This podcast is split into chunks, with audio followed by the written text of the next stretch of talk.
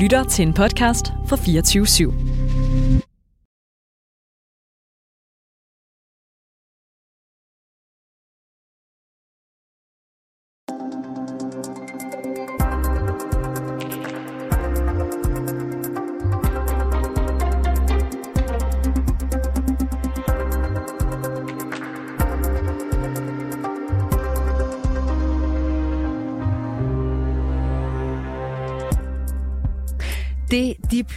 Diplomatiske forhold mellem Sverige og Tyrkiet er i brand. Mens Sverige stræber efter at blive en del af NATO, har så har Tyrkiet sat en solid kæp i hjulet på vores nabolands ønske om at blive en del af forsvarsalliancen. Og ifølge Tyrkiets præsident Erdogan, ja, så handler det især om én mand, nemlig Rasmus Paludan. Den 21. januar der valgte Paludan nemlig at brænde Koranen af foran Tyrkiets ambassade i Stockholm. Men meget tyder på, at det ikke var Rasmus Paludans egen idé at sende et signal til Tyrkiet. Den svenske debattør Juan Frick betalte nemlig for, at Paludan kunne få lov at demonstrere.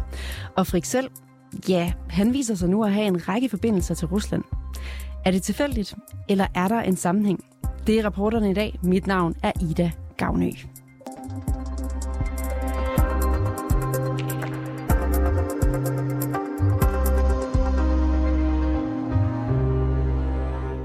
Sverige skal ikke længere forvente vores støtte til deres NATO-medlemskab. Sådan har lød det fra Tyrkiets præsident Erdogan efter at stram kurs stifter Rasmus Paludan den 21. januar brændte Koranen af foran Tyrkiets ambassade i Stockholm. Efter demonstrationen så viste det sig, at det ikke var Paludan selv, som havde betalt de 320 svenske kroner, som det altså koster at demonstrere i Sverige. Det var i stedet den svenske journalist og debattør Juan Frick. Og nu bliver det så ekstra interessant, fordi i fredags der kunne man læse i politikken, at selv samme Frank Frick har arbejdet for det russiske medie Rupli, som er øh, ejet af Ruslands statsmedie Russia Today. Men betyder det, at Frank Frick i virkeligheden kan have handlet direkte ud fra russiske interesser, og altså gået Ruslands ærne, da han arrangerede øh, øh, Rasmus Paludans demonstration her? Det kan i hvert fald ikke udelukkes, lød det i fredags fra Rusland-ekspert Søren Liborius. I russisk perspektiv, der er der ingen tvivl om, at når man er inde på, så at sige, radarskærmen og har været en samarbejdspartner, jamen så kan man sagtens øh, komme tilbage igen og, og gøre gavn og, og, og nytte set i et russisk perspektiv. Men hvad siger Røn Frik egentlig selv? Det kan vi jo passe at spørge mig om nu. Welcome, Røn Frik. Hello, thank you, thank Hello. you. And I just want to tell our listeners that we have agreed that we'll do this interview in English so there will be no misunderstandings between Danish and Swedish. Yes, I, I, I'm very happy for this Yes. because Danish is uh, a bit hard sometimes. This is your request, so then that's perfectly fine. You are a journalist and uh, owner of the Swedish media Nyheder i dag. Furthermore, Uh, you frequently participate in the public Swedish debate. Yeah. I will start by playing a small soundbite from an interview that Rasmus Paludan did uh, with the Danish new- newspaper Ekstrabladet. In the interview, Paludan is asked why he was demonstrating in Stockholm. Let's hear it here. Jamen det var jo simpelthen fordi, der var øh, nogle svenskere, der havde foreslået mig en uge inden, at øh, fordi øh, øh, Erdogan var sådan lidt øh, irriterende, så kunne jeg komme og brænde en øh, koran foran Tyrkiets ambassade i Stockholm. Erdogan was annoying, and therefore uh, Paludan was invited by some Swedes who found Erdogan annoying. Did you invite Paludan, Rasmus Paludan, to Stockholm to burn Korans in front of uh, the Turkish embassy? No, it, it, it wasn't me who, who, who made an invitation to Paludan. It was another guy in Sweden. My role in it was that uh, at the same day there were a lot of uh, left-wing activists had a big demonstration toward uh, Erdogan. Uh, people also affiliated with the uh, Kurdish uh, uh, people and so on. And a friend of mine who is uh, a left-wing guy, I can say, he asked me uh, if he knew if I knew anyone on the right wing that could also make a demonstration because if we demonstrate both of, on on the left and on the right, it become you know like a broad thing. You know, it's about freedom of speech and basic democratic rights. You have to remember that Erdogan and Turkey they're asking from Sweden to hand over, for example, a journalist. Okay, so so this is like this is what the focus is about. Uh, this guy, as I, I told some guys um, right wing guys, do you know anyone who could be interested? I explained the situation.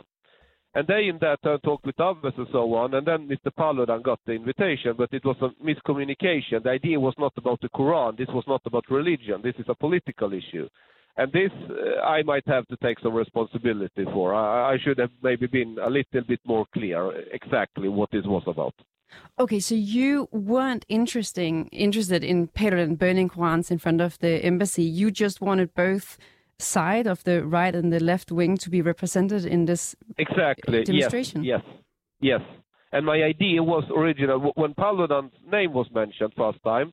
I was thinking him burning a, a, a, Turkish flag with uh, kiken. Uh, it's a word for dick, you know, written on the flag because this is a uh, there is an old artist work of a Swedish flag being burned like this. So, and this is something that the leftists have used as a symbol in the protest towards Turkey. So, if uh, Paludan would be burning the flag with this written on the flag, it would have become a, a, a pretty humorous uh, protest. Yeah, but so, now this didn't happen, of course, in, unfortunately. Instead, the Quran burning happened, and what do you feel about that?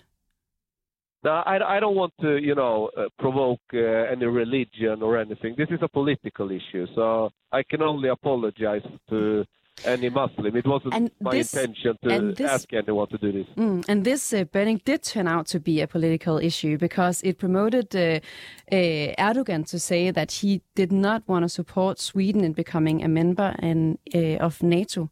Do you, like Russia, have an interest in Sweden not becoming a member of NATO? Of course, Russia have this kind of interest. Yeah, but do you have the interest as well? Uh, once again, what did you do, say? Do you have the interest uh, in Sweden not becoming a member of uh, NATO? No, I, no, no, no. I think with the current situation, it is pretty obvious why Sweden and Finland is applying for NATO. Right. But do you think they should not be a, a member of NATO? No, no, I, I don't oppose it at all. I, I, I haven't uh, expressed any, any, actually any hard feelings against NATO, especially during the current situation in Ukraine. So, uh, for me, it's it's not a big question actually, NATO or not NATO for Sweden. Uh, yeah. why, why is that? Not? So, how do you feel about that? This demonstration has now escalated to the question of Sweden being part of NATO or not, because uh, I don't think I, I, Turkey says that they're opposed to it. I think Erdogan was looking for a reason. I mean, you have to understand, 28 out of 30 countries have said yes to Sweden in NATO. It's Hungary and it's Turkey, okay. And the one who have been arguing the most is Turkey. They find new reasons, new reasons, new reasons, all, all the time new reasons not to allow Sweden and they're putting more and more demands. Now they're fucking asking to send a journalist to Turkey because he was opposition of Turkey. No, Sweden should tell Erdogan to fuck off. That's what they should do. And this is what, what United States is about to do. This is the question. It's not about uh, Sweden should be NATO or not, but you, you, you can't go in a military alliance and then uh, uh, uh beg down uh, and and uh, try to please a, a dictator. Mm. This is not what it's about. But so it, it, has become it, about that now this demonstration has become about Sweden being a member of NATO or not, whether they have the support or not of of Turkey. Do you like that? This is what came out of this demonstration that you have I, I, have been, been a part of arranging. I, I, don't accept the premises for that question. Listen, uh, once again, so I have no problem Sweden joining NATO, but if the price is that we abide to a dictator that wants to limit uh, freedom of speech, democratic freedoms. They want uh, to, uh, to send a journalist to Turkey because Erdogan doesn't like him. No, then we should stay out of NATO if this is the price. I thought NATO was about democracy, but maybe it's not. I think this is the question we should talk about and not the make some bogus claims about Russia. I mean, people are talking about, yeah, I sent some pictures 10 years ago to uh, RT's uh, subsidiary, Ruptly. Yeah, I, I, I've sold to all papers in Sweden almost. I sold to papers in United States to everywhere. I was working as a freelancer. I don't understand what this uh, have anything to do with it. Right, because people are making, or at least the Danish uh, newspaper Politiken wrote an article. That's what you're talking about. They wrote an article where they state you have ties to Russia, and they point out that you have worked for the Russian media Ruptly, which is owned by Russia today, a very much state-controlled Russian media. How do you feel about these connections being made, and also now you're you're part of this demonstration that that uh, in the end is uh, very much in Russia's interests that Sweden is not going to be part of NATO. Like no matter you like it or not, you are like you are involved in all of this now.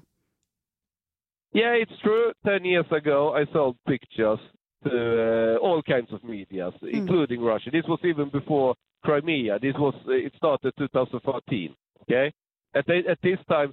Uh, in 2010, European Union was talking about making it visa free for people from Russia traveling to, to uh, you know, between Russia and European Union. At this time, uh, Russia wasn't really regarded as a big enemy or anything. Somehow, people uh, uh, is asking me that uh, 10 years ago I should have known that 10 years later Russia will invade Ukraine. How the hell would I know? This is this is a stupid allegation. This is a totally stupid allegation. I also have these photos of you with a T-shirt with uh, Putin's Yes, yes. face on and a hat and a hat Yeah. with yeah, Yeah, yeah, yeah, yeah, symbol from from Russia. Yeah, Um, Are you pro Putin? Are you pro? Are you pro Putin?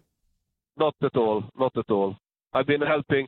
When, when, the war started, uh, I, wa- I think I was the only journalist actually went down to the border to Ukraine. I, I helped 30 refugees. I spent like 10,000 euros of my own money. I made a collection of, uh, you know, material, batteries, lamps, clothes, everything to, to the guys in the front in Ukraine. I sent a bus that brought these things down, and then I picked up the refugees and, and went back to Sweden with them. I have employees in Ukraine. I was in Ukraine one year uh, before the war started. If you're looking for connections, you will find uh, 100 times more connections to Ukraine than you can ever possibly find to Russia. The reason I have these pictures is that because my wife is uh, born in Russia, when her, her mother is coming, she's always bringing some stupid gifts. And at this time when this was posted, I was not a big journalist. I was not a big guy in Sweden, not at all. This was just uh, private, funny, ironic pictures.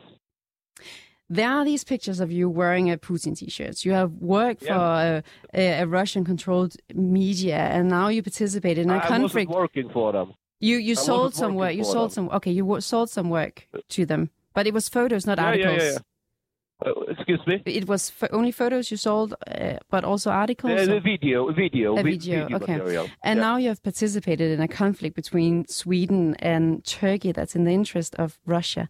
Last Friday, we spoke with a Russian expert, Søren Liborius, who investigates Russian uh, covert operations in Brussels. He said that many of your activities, for example, the Paludan demonstration, are in Russian, uh, are in Russia and Putin's interest. Let's just hear what he's saying here.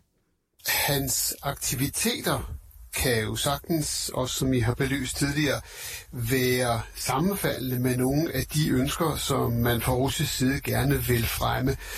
Man kan sagtens komme til eller indgå i nogle sammenhæng, hvor man lader sig spænde for en vogn, der, der også bliver reddet af nogle russere. So, Paludan has, the demonstration has caused quite an uproar in, in Turkey. Erdogan is furious and he refuses to, to back a Swedish NATO ma- uh, membership. How do you feel about assisting Russia towards that goal? I'm not assisting Russia. It's Erdogan's own decision. Whoever he, Erdogan is actively helping Russia here. Erdogan bought a missile defense system from Russia, S-400. Erdogan doesn't give a shit about sanctions against Russia. Erdogan uh, is totally going against the interests of NATO. Maybe you should call Erdogan and ask those questions, not me. Do, do you regret paying the fee of 320 Swedish krona that allowed Rasmus Paludan to demonstrate and burn the Quran in front of the Turkish embassy in Sweden? the money didn't allow him. It was the police who allowed it. It has happened many times that the police say no to a demonstration. So eh, the allowance is not on my table. It's the Swedish police. What I paid was only the fee for to, to, to them to look into it. Will they accept the demonstration or not? Uh, if I regret it, the only thing I, I, I feel a bit bad about is that it, it, it became a question about the Quran and a religious thing because I, I don't want to anybody. I would never ask anybody to do such a thing. The, the other discussions, I'm very happy to take it. No problem at all.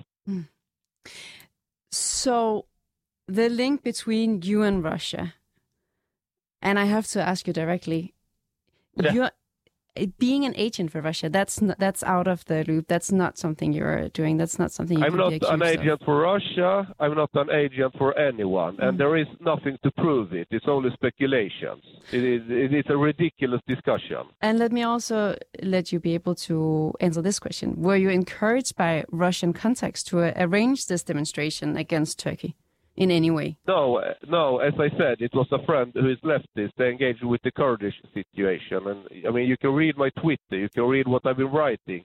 This is a thing I've been talking about for years. It has nothing to do with Russia. I've never spoken with anybody in Russia about such a thing. I don't have. There is no one in Russia I'm talking to except for uh, my mother-in-law. Jean Frick, uh, Juan Frick, som altså, uh, who is a Swedish jour- journalist and owner of the news site Nyheder i dag. Thank you for your time. yeah, thank you. Bag den her historie, der var Niels Frederik Rikkers.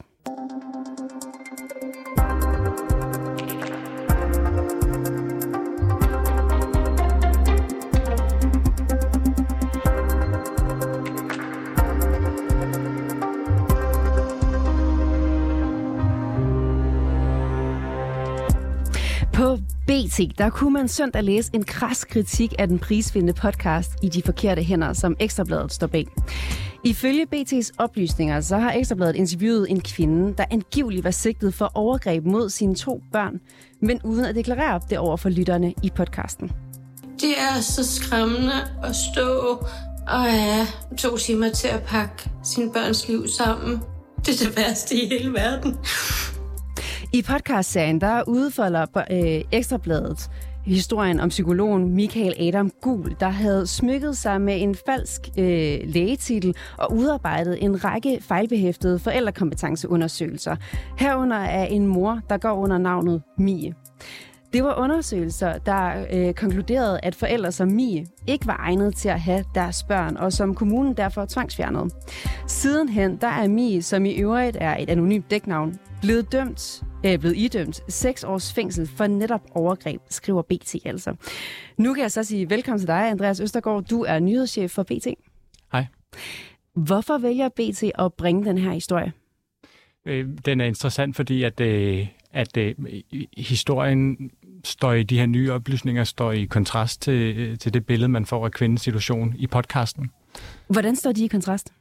Man, man, man møder hende som det første i podcasten, som sådan en potentiel konsekvens for, for, for Michael øh, Adam Gul, ham psykologens rapporter, og det kan hun jo også godt øh, være. Altså det handler jo ikke om, at han ikke har øh, smykket sig med en falsk lægetitel for eksempel, eller lavet nogle fejl i sin rapporter. Det handler historien ikke om. Men, men den, den, den, den nuancerer jo billedet. Altså, man, man kan få det indtryk, at, at den eneste grund til, at hun ikke ser sine børn, det er på grund af den her tvangsfjernelse i, i 18, og, og, og det tvivlsomme grundlag, de blev, blev fjernet fra hende på det tidspunkt. Men da hun medvirker i podcasten, er der jo mere til historien end det. På det tidspunkt er hun varetægtsfængslet, eller har været varetægtsfængslet, og er fortsat sigtet for overgreb på, øh, på, på børnene. Man, man, hører hende, man hører hende fortælle, at de har gjort alt, hvad de kan for at, være, øh, for at give deres børn nogle gode og kærlige øh, forældre. Øhm, og, og det står jo i kontrast til den mistanke, der på det tidspunkt hænger over hovedet på dem, Altså i form af den her sigtelse. Mm. Ja, Og så, så det, det, det er jo interessant, fordi det, det, det, det, det, det, man har fået, det er ikke det fulde billede af kvindens øh, situation. Det er nogle oplysninger, der er vigtige for ens forståelse af, i hvor høj grad hun er et offer. Altså, øh, og så kan det jo godt være, at der i podcasten blev deklareret, at vi kan ikke øh, afgøre, om det er det rigtige eller bedste, at hun fik tvangsfjernet sine børn. Men som man kan høre i klippet, så møder man hende jo med, med, med mens hun græder, og hun bliver spurgt til, hvordan har det været. Hun, hun, hun svarer, øh, at, at, at hun har følt afmagt og sorg, og det, der er også farvet af en, en underlægningsmusik, der gør, at, at her, her kan man for, forstå, at, at, øh, at, at den her historie om Michael Adam Gul er, er vigtig, mm. fordi den kan have konsekvenser som, som det her pot, poten, potentielt. Ikke? Du synes, hun bliver fremstillet som et offer? Jamen, hu, hu, som et potentielt offer. De tager jo den, de, de, de, de deklarerer jo klart og siger, øh, og siger, vi har ikke kunne afgøre, om, om det er det bedste at fjerne hendes børn eller ej.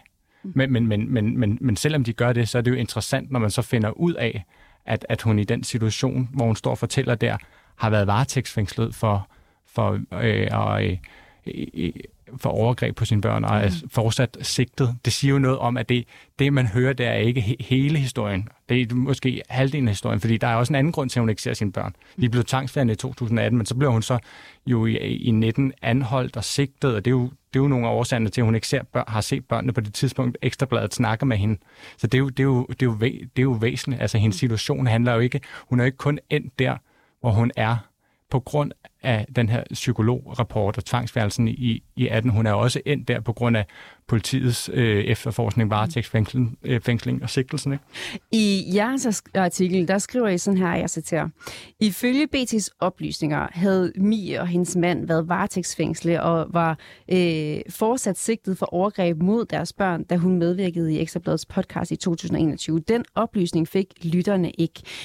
Hvad er det for noget dokumentation, som BT har, der viser, at Mi var, var sigtet på det her tidspunkt, hvor at interviewet fandt sted? Øh, der har, der var jo kørt en, en, en, en øh, retssag, hvor de endte med at blive dømt øh, i dømt seks års øh, fængsel øh, for, for, øh, for forskellige ting, øh, som de så har anket. Og i den retssag er, er det tidsforløb jo kommet frem, at, at, at hun var øh, varetægtsfængslet i, i 19 en, en periode, og surrogatfængslet øh, i eget hjem, som jeg husker det, og, og sigtet i den periode. Var I, hvordan ved I, at Ekstrabladet så også skulle være bekendt med de her oplysninger? Det ved jeg heller ikke, om de har været bekendt med. Så, så, så, så, en, så en ting er, altså det, det ved jeg ikke, om, om de har været. Det vi så er stødt på, da vi har kigget på den her sag, det er ham her psykologen Michael Adam Gul, som på sin hjemmeside, så vidt jeg husker, har skrevet, mm. at han havde sendt øh, en mail til Ekstrabladet journalist øh, undervejs, mens podcasten blev til. Altså, jeg tror, det var en måned før, eller sådan noget. I, i 2021, inden podcasten udkommer, mm. øh, der, der skriver han og, og gør dem opmærksom på det. Det skal så siges, at da han lavede, han har været inde og vurdere de her forældre i 2018, at de, kan de være forældre. Der har han ikke fundet ud af, at der har været nogen overgreb mm. øh, på, på børnene. Det er noget, der kommer frem efter tvangsfjernelsen. Så, men, men på det her tidspunkt, da Ekstrabladet øh, så øh, da hun medvirker i, i, i Ekstrabladets podcast, øh, inden, lige inden den udkommer, der, der har han så åbenbart blevet bevidst om, at der er en mistanke mod de her forældre, og den orienterer han dem om øh, på mail, fortæller han. Og, og han, han har så vist os de mails på hans computer. Altså, og den havde computeren vist og sagde, her er der en mail. Og den, Hvem var den mail sendt til? Journalisterne bag podcasten og redaktøren? Ja, ja, den ene øh, journalist, øh, så vidt jeg Ja, så vidt jeg ved. Det er, det er ret sikkert på den ene, den ene journalist. Øh, er det tilstrækkelig øh, dokumentation til at konkludere, at moren var sigtet, da hun medvirker i Ekstrabladets podcast, at der er de her mails fra, fra, øh, fra psykologen her, som, som også har... Det, det, det er så heller ikke den eneste dokum, dokumentation for det. Altså mailsene fra psykologen er interessante for ligesom at... For, fordi en, en ting er, at øh, hun medvirker, hun var sigtet dengang hun medvirkede i Ekstrabladets podcast, uden at lytterne fik det at vide. Men så, så kan man sige, men vidste Ekstrabladet det? Eller, eller, og, sådan, og, og eller havde de nogle oplagte muligheder for at finde ud af det? Og det er jo derfor, det, det er der, hvor de her mails kommer ind, der de, han, han, han skriver til dem, øh, jeg, jeg, jeg har hørt, at, øh, at, at de her de skulle være mistænkt for seksuel, øh, seksuelt øh, overgreb på, på, på deres børn. Det skriver han, så han nævner ikke nogen sigtelse eller varetægtsfængsling. Det, det, det skriver han. Så, så de er jo interessante, fordi hvis, hvis Ekstrabladet har set dem, så, så kunne man jo mene, altså at det vil jeg som redaktør, som journalist øh, tænke, okay, vi har dem med som en, en vigtig case i starten til at åbne vores podcast. Det er vi nødt til lige at tjekke op på, fordi hvis, hvis det er rigtigt, så er det en information, vi er nødt til at have med. Vil jeg ved, jeg, det bekræfte, om de har set dem, eller ikke har set de her mails fra psykologen? Nej, nej. Altså svaret fra, øh, vi kan ikke få et interview med, med journalisten, men svaret fra øh, hende, der var programansvarlig, øh, og så mærkeligt nok, det, det knuder af min, øh, en af mine chefkollegaer på BT øh, i dag, hun, øh, hun, hun siger, at hun ikke kan genkende øh, mail, mailcitatet. Mm. Så det, det er jo, det er jo, det er, det, de, de kan ikke genkende det, ikke, ikke huske det. Altså det er det, vi kan få, få, få, få, få, få ud af dem. Vidner øh, og så, altså, altså, skri, altså siger de, at øh, han sendte anklager om, at flere mennesker var pædofile, øh, og, øh, og der stod ikke noget i hans rapporter om, at parret skulle have begået seksuelt øh, overgreb, og det var det, de koncentrerede sig om. Derfor var det ikke relevant, at, og, og øh, ville det ikke være relevant for undersøgelsen af, af ham, altså om han havde gjort sit arbejde øh, rigtigt. Men det kan jo godt være, selvom det ikke er relevant for afsløringerne af ham, så kan det jo godt være relevant for, øh, for den måde, de har fremstillet en, en case på, ikke? Vidner det her om, at Ekstrabladet ikke har undersøgt deres kilde godt nok, inden de, skrev, inden de lavede den her podcast? Jeg tænker, det, det er et udtryk for, at man, man, man, man, man, man skal passe på med altså, at, at blæse og have mel i munden på samme tid, fordi det er jo fint at gå ind og så øh, kigge på en psykologs forældrekompetenceundersøgelse og se, hvordan er de blevet til.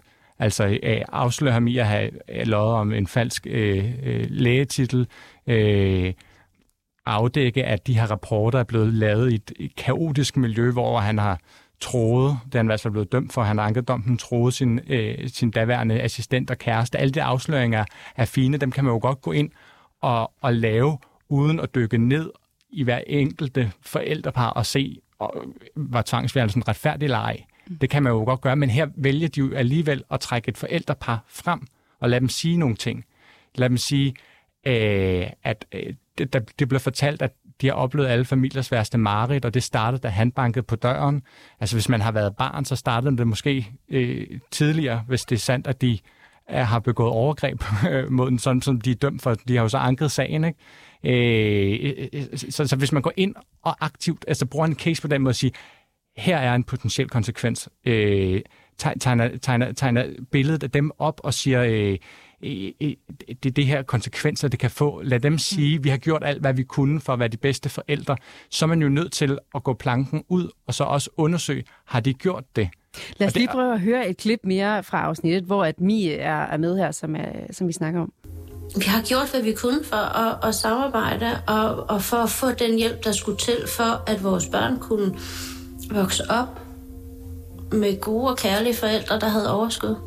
Det er så skræmmende at stå og have to timer til at pakke sin børns liv sammen. Det er det værste i hele verden. Podcast. Når, man, når man hører det, så hvis, hvis, hvis man vidste, det kan vi jo ikke sige, at Ekstrabladet vidste, mm. men, men hvis man vidste, at, at den kvinde på det tidspunkt var sigtet for overgreb mod, mod sine børn, så vil man tænke, det er vi nødt til lige at nævne. Vi kan ikke bringe den her scene, hvor hun græder og fortæller følelsesladet om det her, uden lige at nævne, at der er måske mere til historien, ikke? Hun er måske ikke så uskyldig. Men, men øh, den daværende, øh, eller man kan sige, den daværende programs ansvarlige på Ekstrabladet arbejder den dag øh, inde hos jer. Mm. Hvordan forsvarer hun det her? Hvad siger hun, når I spørger hende omkring de valg, man har truffet med ikke og så efterfølgende i hvert fald deklarerer, at har vi altså at gøre med en, der nu er blevet dømt og har anket øh, Men det skal jo næsten spørge, har I prøvet at snakke med hende? Hun vil ikke, de vil ikke stille op. Nej, okay. Men man kan gå ind og læse artiklen. Altså, det kan jeg jo godt lige prøve at citere lidt frit fra hukommelsen. Øh, men altså, argumenterne er jo, at man deklarerer, at, man, at altså Ekstrabladet siger, vi ved ikke, om det er det bedste eller rigtige, og, og, og tvangsfjerne øh, de her børn. Så man har ligesom man har ligesom sagt, at det, at det er ikke noget, vi har gået så meget ind i. Det kan man jo så mene, at det burde man måske, hvis man vælger at bruge casen så kraftigt på den her måde. Det har vi en lektor med i hvert fald, der mener, at det vil være, det vil være relevante oplysninger at, at, at have med. Så spørgsmålet om de, om, om, om, om, om de om de bare helt ærligt ikke, øh, altså om, om det var en fejl, at de ikke fik det med, om det var noget, de kunne have opdaget. Ikke? Det, der er de der mails fra ham, psykologen jo, øh, relevante, og, og, og der ved jeg jo ikke, om de har set dem, overset dem, øh, læst dem og tænkt, det, tænkt nej, det er sikkert bare noget, han, han siger, det kan jeg jo ikke, det kan jeg ikke finde ud af. Altså, der, der, der er svaret, at, at de kan genkende du er, jo, du er jo nyhedschef hos BT. Hvis den her kritik var rettet mod jer, hvis I havde lavet den her podcast, hvordan vil du så håndtere den, kritikken? Øh, hvordan jeg vil håndtere, altså svare Ja, hvad vil du, hvad vil du gøre ved den podcast nu? Det, det, det er jo... Det, det tror jeg, jeg vil sætte mig ned lige og, og tænke over, det er en sparet sag, fordi hun er jo en anonym kilde, og det er jo også en af argumenterne fra Ekstrabladet om ikke at gå ind og sige så meget i, i sagen, at de vil ikke bede eller afkræfte, om det er den samme, om det er den samme øh, kvinde, fordi de har lovet kvinden øh, anonymitet.